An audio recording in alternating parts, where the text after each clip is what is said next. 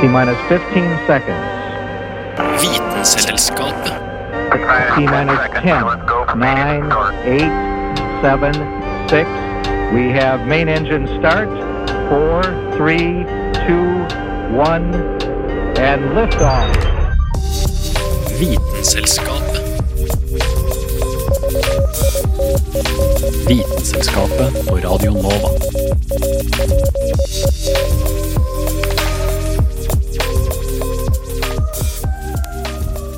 Du vet den følelsen når du tenker at i dag skal jeg virkelig få gjort masse. Jeg skal eh, gjøre ferdig oppgavene i matten, og så etterpå det skal jeg rydde hele leiligheten, og så etter det så skal jeg gå og handle mat, og så skal jeg gjøre Men så klarte du liksom ikke å gjøre det du skulle gjøre, fordi du ble distrahert, eller du bare tenkte på noe annet, eller plutselig fikk du en kul YouTube-video av syngende katter foran deg. Ja, rett og slett, hele dagen var en avsporing, for å si det sånn. Man kan vel si at dette med avsporing i samtaler og planer du tenker å gjøre, skjer daglig. Og i dagens sending skal vi nettopp snakke om eh, ulike former for avsporing. Avsporing innenfor evolusjonen og fysiske ting som en bro, og eh, avsporing på din egen konsentrasjon. Jeg heter Anna Vik Rødseth, og velkommen skal du være til en ny episode av Vitenselskapet. Å vite vet Vitenselskapet.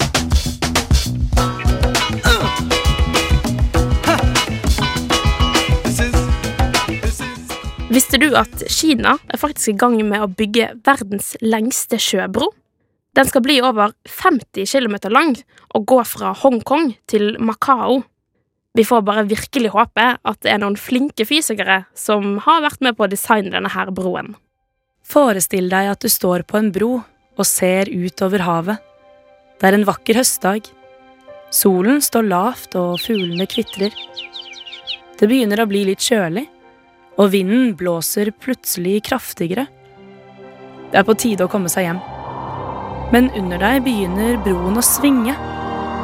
Først kun små svingninger, men så merker du at svingningene fort blir sterkere. Du ser deg om og bestemmer deg for å gå tilbake til den siden du kom fra. Du prøver å løpe, men du sliter med å balansere på broen med de store svingningene. Broen forsvinner plutselig under føttene dine. Alt blir sort.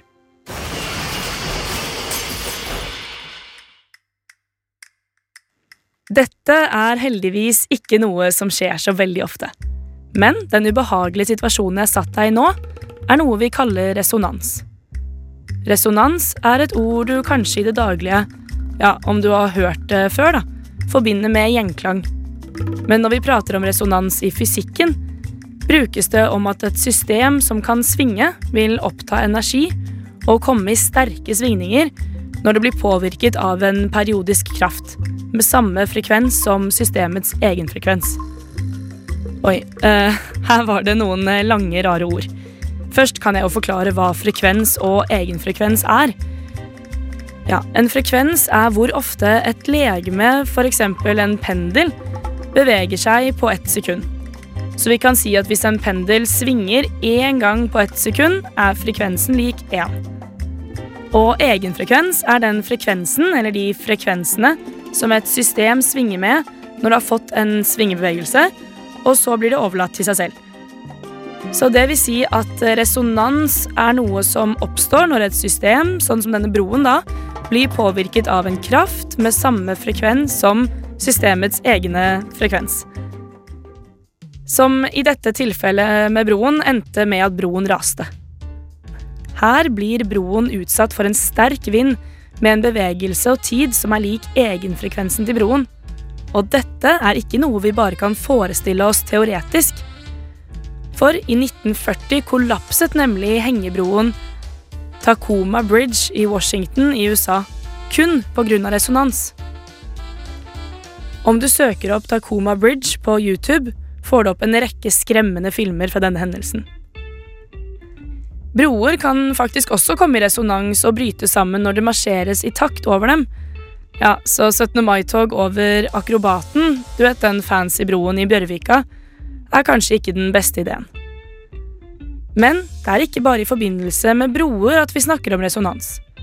Resonans er faktisk viktig for oss i hverdagslivet òg. Resonans i øregangen øker nemlig følsomheten for lyder ved 3000 til 4000 hertz. Dette er viktig for oppfattelsen av tale. Du opplever også resonans når du husker og når du hopper på trampoline.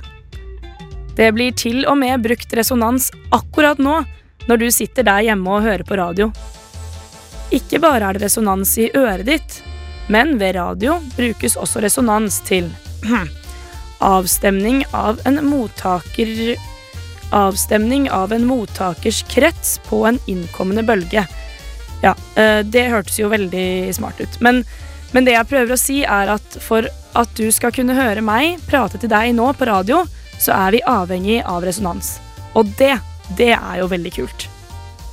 Og dette radiosendte innslaget som du hørte ved hjelp av resonans, ble laget av Aurora Caroline Thommessen. Hæla i taket med Vitenselskapet.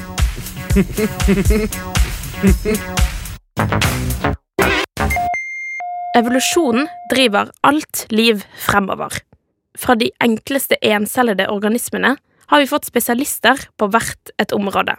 Men ikke alle resultatene av evolusjonen er like stilige. Noen steder har faktisk nye arter havnet i et sidespor.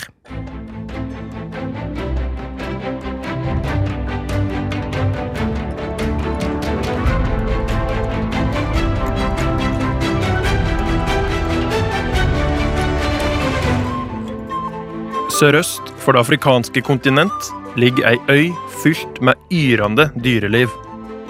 Madagaskar, ei øy mest kjent fra en fjasete animasjonsfilm. Fordi øya er forholdsvis isolert fra omverdenen, dreiv naturlig seleksjon fram en gjeng med unike skapninger. Og unik er strengt tatt et annet ord for rar. Når en tenker på Afrika, tenker en fort på det største og skumleste rovdyret. Løva, savannas konge, kunne fått de fleste til å skjelve av frykt. Så hva er den store, skumle rovdyrkongen på Madagaskar? Fosan. Skuffende nok ikke stort større enn en stor hund, ser denne rare krabaten ut som ei merkelig blanding av en oter og en puma, med bulende øyne. Heldigvis er resten av dyrene på øya like rare. Hoveddelen av det fosene et på, er lemuren.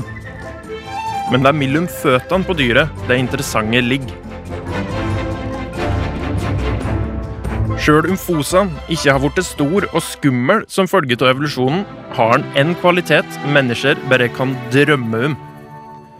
Penisen til hannfosan er nemlig så lang at den når hele veien fra bakføtten til framføtten. Inni finnes et bein, og langs utsida er det pigger.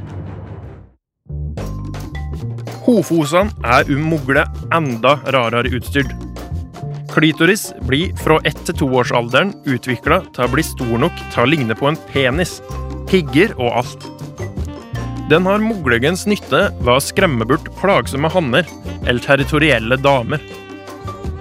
Helt unikt ved fosene er at klitorisen etter hvert begynner å avta att i størrelse. Merkelige greier. Lemuren er kanskje den mest kjente av de innfødte på Madagaskar. Du tenker nå kanskje på en søt liten krabat i perfekt størrelse til å ha som kjæledyr. Sånne lemurer fins, men de kommer i alle størrelser og fasonger. Den minste gjengen, muselemuren, er ikke større enn 30 gram. Før mennesker kom og utrydda dem, fantes det òg lemurer store som gorillaer. Grunnen til at så mange forskjellige versjoner av et dyr kan leve på ei øy, er at de har spesialisert seg veldig. Nunn lemurer et bambus. Nunn et frukt og insekt. Nunn et urter. Når i løpet av døgnet de flyger rundt på øya, varierer òg fra art til art. Du har dem som springer rundt i sola, og dem som er ute nattestid. Ganske spesielt er det at nunn av lemurene er aktive både på dagen og på natta. Madagaskar er ei hard øy å leve på, så unike løsninger er nødvendige. Som følge av dette kommer en annen ting som en kanskje ikke skulle forvente. At noen lemurer går i semidvale. For å forberede seg på harde tider legger de på seg fett rundt halen og i bakføttene. Sjiraffsnutebilla er et av de merkeligste insektene du kan se. Kun på Madagaskar ca. 2,5 cm stor. Det rare med billa ligger i navnet, nemlig en utrolig lang hals. Fra den kuleforma kroppen stikker den ut, dobbelt så lang som kroppen og med en knekk på midten. Det er bare hannbilla som har den ekstremt lange nakken, og han bruker den til å slåss om damene. Den kommer òg godt med når en skal bygge reir. Å leve vekke fra omverdenen har gjort madagaskardyrene til fascinerende skapninger. Jeg kan absolutt anbefale å slå opp noen bilder av de forskjellige underverkene. For eksempel er Ayay-lemuren den hesligste skapninga på jord. Naturen har så mye rart. Saken ble laget av Evolusjons sluttprodukt, nemlig Carl Adams Kvam.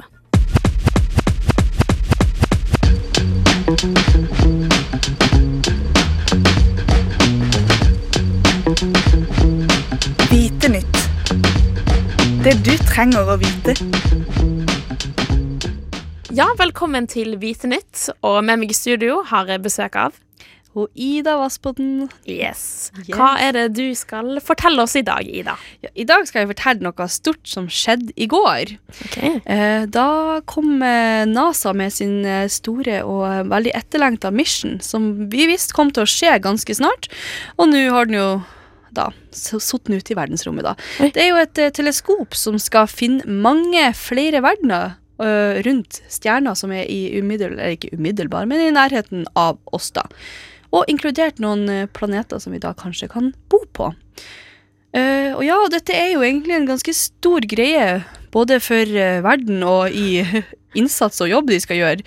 For de skal nemlig se på rundt uh, 200 000 av de sterkeste stjernene rundt sola, og på jakt etter nye verdener, som de sier det sånn sjøl.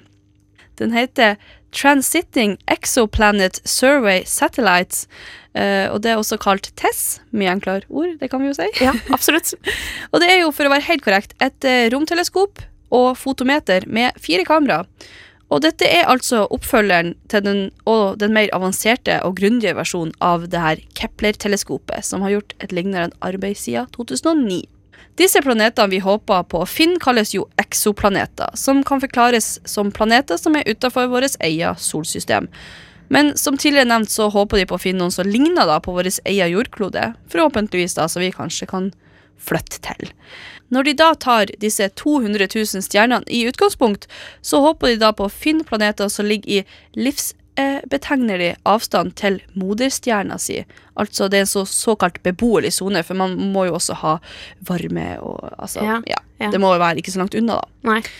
Eh, og TESS kommer til å fokusere på stjerner som ligger 30-300 lysår fra jorda, og den oppdager disse planetene når de fer forbi moderstjerna si. For da ser man at lyset til moderstjerna blir redusert med en titusendedel. Eh, sånn at man da kan se da at det er en planet eh, i nærheten. da. Og det er forventa at de kommer til å finne rundt 20 000 planeter, som nevnt. Yes. Og inkludert er det altså da hundrevis av disse Cirka sånn på størrelse med Ja, det er ikke engang dobbelt så stor som jorda, så de er ganske små, og da vil vi Ja. også tro at de ligner litt på jorda. Så da kan vi kanskje håpe at vi finner noen som vi kanskje kan bo på. Ok, Så det her er nye jordkloder. Ja, forhåpentligvis. Herregud. Ja, for det er jo sikkert bare spørsmål om tid når jorda vår går under. Er du litt redd for at jorda skal dø før deg? Ja, det kan jo skje. Altså, Vi har jo atomvåpen, vi har global oppvarming, vi har masse plass i hele havet. Ja, bare for å avspore litt. Apropos det å dø. Du kan jo for eksempel eh, drikke gift og dø. Du tenker at de kanskje skal ta det som en løsning hvis vi bare ser at det går rett vest. Vi har ikke funnet noen nye planeter, vi kan ikke ferde til Mars. Da drikker vi gift.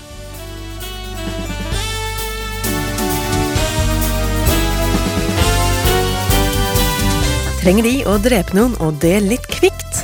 Da er kanskje cyanid tingen for deg. Cyanid er et godt gammeldags drapsvåpen og er særlig brukt av mordere i gamle Agatha Christie-romaner. Og om ikke det er et kvalitetsstempel, så vet ikke vi. Cyanid er stoffet for deg som står mellom å forgifte ditt offer eller å kvele dem. Med cyanid trenger de nemlig ikke å velge. Giften består av et karbonatom som er trippelbundet med et nitrogenatom. Dette binder seg lett til mitokondriene i cellene, de vet de såkalte kraftsentrene i cellene.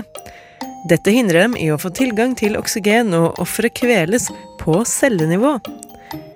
Som en bonus tar dette svært kort tid, så om de behøver de arvepengene pronto, er dette et av våre beste forslag. I tillegg finnes cyanid lett tilgjengelig i røyken av sigaretten på enden av munnstykket deres, i kjernen på en aprikos eller et eple, og selvfølgelig i ville mandler.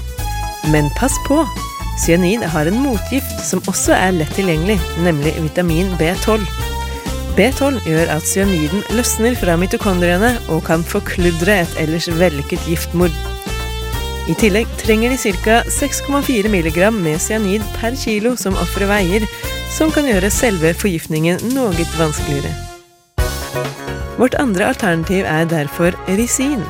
Særlig populær blant hemmelige agenter, så om de setter pris på en god spionfortelling, kan dette være stoffet for dem. Lisin virker mye saktere enn cyanid, som gjør det enklere for dem å distansere dem fra offeret når giften er distribuert.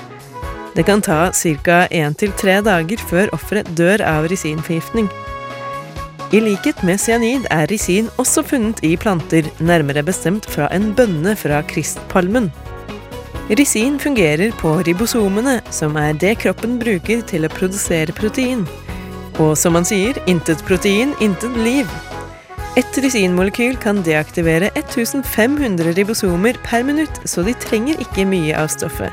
Tas giften oralt, vil man behøve ca. 20 mg per kilo av offerets vekt, men injiseres det, trenger man svært, svært lite, kun 1 mikrogram per kilo.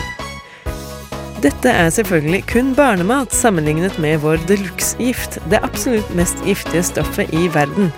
Clostridium botulinum, kanskje mer kjent som botulisme. Å kalle C. botulinum en gift er faktisk ikke helt korrekt, da det strengt tatt er en bakterie. En bakterie som faktisk finnes nesten overalt, men som særlig trives i lufttomme steder. En boks med dårlig hermetiserte varer kan f.eks. bli deres nye bestevenn. Eller hva med alminnelig honning? Det er en grunn til at man ikke skal gi honning til barn som er under ett år gamle, fordi babyer ikke klarer å kvitte seg med bakteriene i honning på samme måte som vi voksne og eldre barn. Og hvis bakteriene kommer seg inn i kroppen og finner et oksygenfritt hjørne, ligger offeret svært dårlig an. Bakteriene begynner nemlig å produsere ikke bare én, ikke to, ikke tre, ikke fire, ikke fem, ikke seks, men hele sju ulike giftstoffer, hvorav fire av disse er dødelige for mennesker. Fire giftstoffer for prisen av ett der, altså. Her er det også mulig å spare mye i kvantitet. Et korn på størrelse med et sandkorn av disse bakteriesporene er nemlig nok til å drepe 9600 mennesker. Botulismebakteriene fungerer ved at de lammer alle musklene i kroppen, som rett og slett gjør at hele systemet slår seg av, med mindre offeret får motgift raskt. Så what's your poison?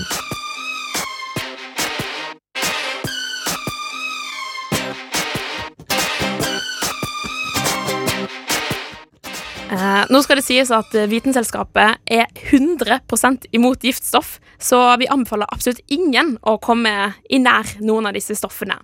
Og hun som har laget denne listen over dødelige gifter, heter Kristin Grydland.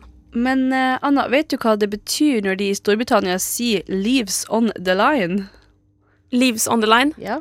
Nei, noen blader på en linje, da. Jeg skjønner ikke helt. Det er da altså eh, våte blad som har datt ned fra Altså løv som har datt ned fra busken, som Ja. har lagt seg på jernbanelinjene, som da kan eh, gjøre at det blir avsporing.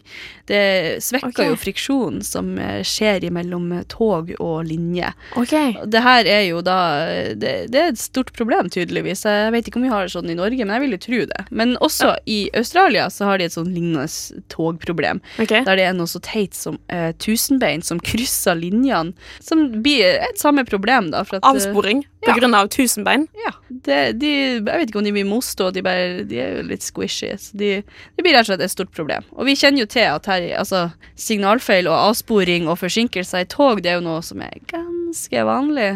Ja, vi har jo alle hørt eh, buss for tog og signalfeil.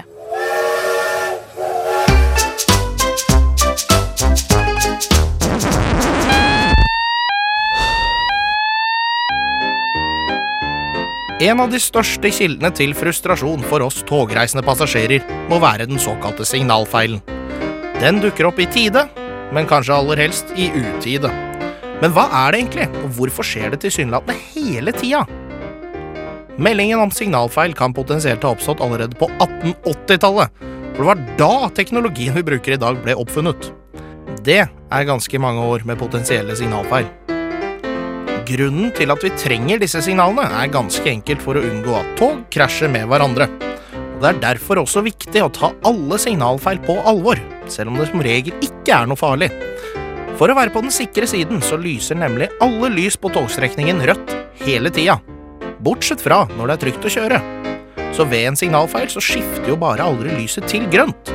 Noe som naturlig nok gjør at ting stopper litt opp. Ting som kan føre til signalfeil, er vått løv på skinnene, mye snø, steiner i sporvekslingen osv. osv. Og det er her greia med 1800-tallssystemet kommer inn. Signalsystemet bruker nemlig releer, som egentlig er veldig lurt, men kanskje ikke i dagens togtrafikk. Så hva er dette reléet som skaper så mye frustrasjon og forsinkelser? Vel, toglinjene i Norge er delt inn i sporfelt, som er ulike felt på sporet, alt fra 1 km til en mil lange. Når et tog kjører inn på et sporfelt, så bryter det samtidig den lave elektriske spenningen i sporet, som da gir beskjed til de berømte reléene. Og disse funker som en strømbryter. Dermed registreres det hvilken sporstrekning som har et tog på seg. Problemet er at dette systemet er sårbart for andre ting som kan tolkes som et tog, f.eks. mye snø. Og her i landet så er jo ikke det spesielt uvanlig.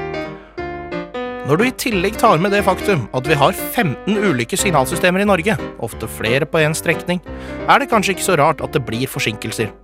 Det rare er vel nesten at togene noen ganger går i rute.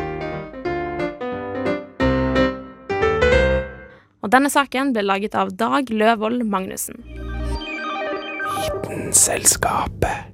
Har du noen gang litt problem med å konsentrere deg om én ting av gangen? Vel, du er ikke alene. Dette er vel et scenario de fleste av oss kjenner oss igjen i.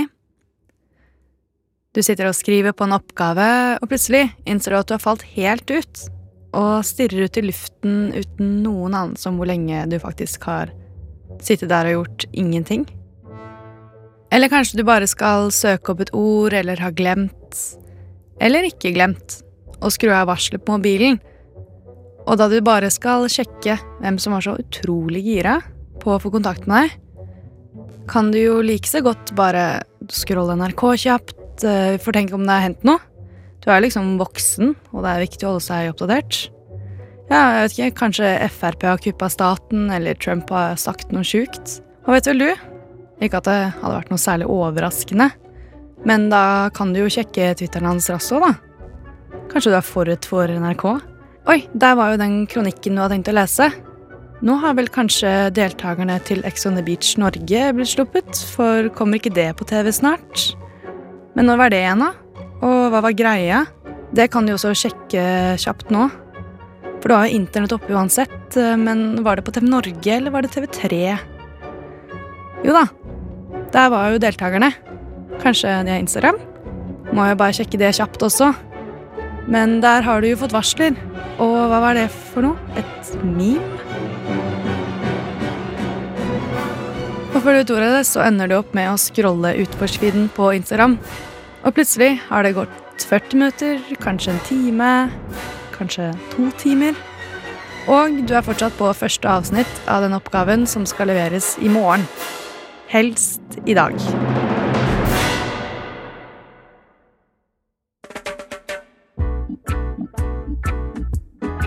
Puh.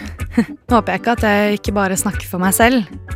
Men jeg har i hvert fall ikke tall på hvor mange ganger jeg har kommet ut på et helt urelatert sidespor i en samtale, eller havnet i en ond internettspiral. Bare for å si det sånn, jeg vet mer om hvordan man kanskje kan bruke Viagra som kreftbehandling, eller om hvor mye maur sover. 4,8 timer fordelt på 253 ganger om dagen, kan jeg fortelle. En strengt tatt nødvendig.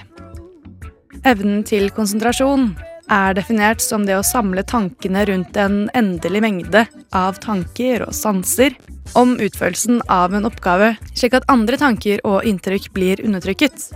Men hva skjer egentlig i hjernen vår når man går fra å jobbe konsentrert, f.eks. med en oppgave, til å ja, ikke være konsentrert? Flere studier, deriblant en studie utgitt i 2001, på nettopp dette utført da av forskere ved Washington University, fant at idet man slutter å fokusere på noe, øker hjerneaktiviteten i andre områder. Som f.eks. de områdene som bearbeider tanker og følelser. Konsentrasjon eller oppmerksomhet er ikke én enkeltprosess som foregår i et spesifikt område i hjernen. For å holde oppmerksomheten så kobler hjernen sammen en hel rekke ulike områder. Det er selvfølgelig et veldig stort spenn på hvor stor tendens man har til å falle litt uh, ut. Og det er jo en viktig forskjell mellom det å kanskje lett bli litt ukonsentrert, spesielt om du holder på med noe du kanskje ikke synes er kjempegøy, og det å ha en oppmerksomhetsforstyrrelse som ADD, Attention Deficit Disorder, eller ADHD, Attention Deficit Hyperactivity Disorder. Hvor selektiv du er, og hvor intenst du konsentrerer deg, har også mye å si. Multitasker du, eller har du Facebook oppe mens du leter etter gode kilder, så er nok dessverre sannsynligheten større for at konsentrasjonsnivået i hvert fall på en av de tingene du gjør, faller noe. Andre ting, som f.eks. depresjon, medisinbruk, stress, støy og også søvn, vil kunne ha effekt på hvor konsentrert du klarer å være på det du skal gjøre. Dessuten varierer det også dette med alder. Barn har jo som kjent ikke alltid like lett for å holde fokus og konsentrere seg om leksene eller å fortelle ferdig denne historien fra barnehagen. Før de begynner å tenke på og prate om noe ganske annet. Det er ikke før i 20-årene at slike kognitive prosesser faktisk begynner å bli ferdig utvikla. Og etter hvert som du blir eldre, kan evnen til å konsentrere seg om å utføre enkle oppgaver ta noe av. Og det er dessverre ikke bare bare å fortsette arbeidet i samme modus når du først har mistet konsentrasjonen. Ifølge forskning fra Carnegie Mellon University kan bare det å få den tilbake ta opptil 25 minutter. Hvis man da tar i betraktning at en kontoransatt ifølge forskning i gjennomsnitt blir avbrutt hvert tredje minutt, ja, da ser vi på litt dystre funn. Det finnes selvfølgelig nok av selvhjelpsbøker og selvhjelpsguruer som hevder at de har oppskriften på hvordan oppnå bedre konsentrasjonsnivå og fokus. Men hittil finnes det ikke noen god empirisk forskning som kan gi et fasitsvar på hva som kan funke, og hvorfor det eventuelt skulle funke. Men tips som visstnok kan ha noen effekt, er å ha god døgnrytme, nok søvn, fysisk trening og frisk luft, og å da ikke multitaske og heller forsøke å eliminere eventuelle forstyrrelser rundt deg, som lyd eller ja, blinkende telefoner. Og når vi først snakker om telefoner, kan jo også jeg komme med et lite tips. Å skru av internettilkoblingen eller varsler er et greit første steg om du ikke vil, eller i hvert fall ikke burde, bli distrahert av SoMe. Men på mange nettlesere og telefoner finnes det også såkalte gråskalingsmoduser der du kan gjøre skjermen, og da også alle bildene og appene og innholdet på appene, grålige, slik at de skal bli mindre fristende å gå inn på.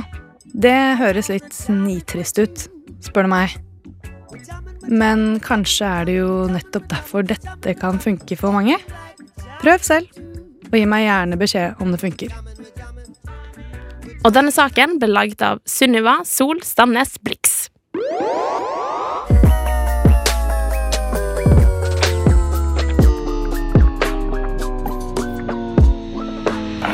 Vitenselskapet. Det var det vi hadde for i dag av ukens Vitenselskapet. Jeg heter eh, Anna Vik Rødseth, og vi snakkes neste uke.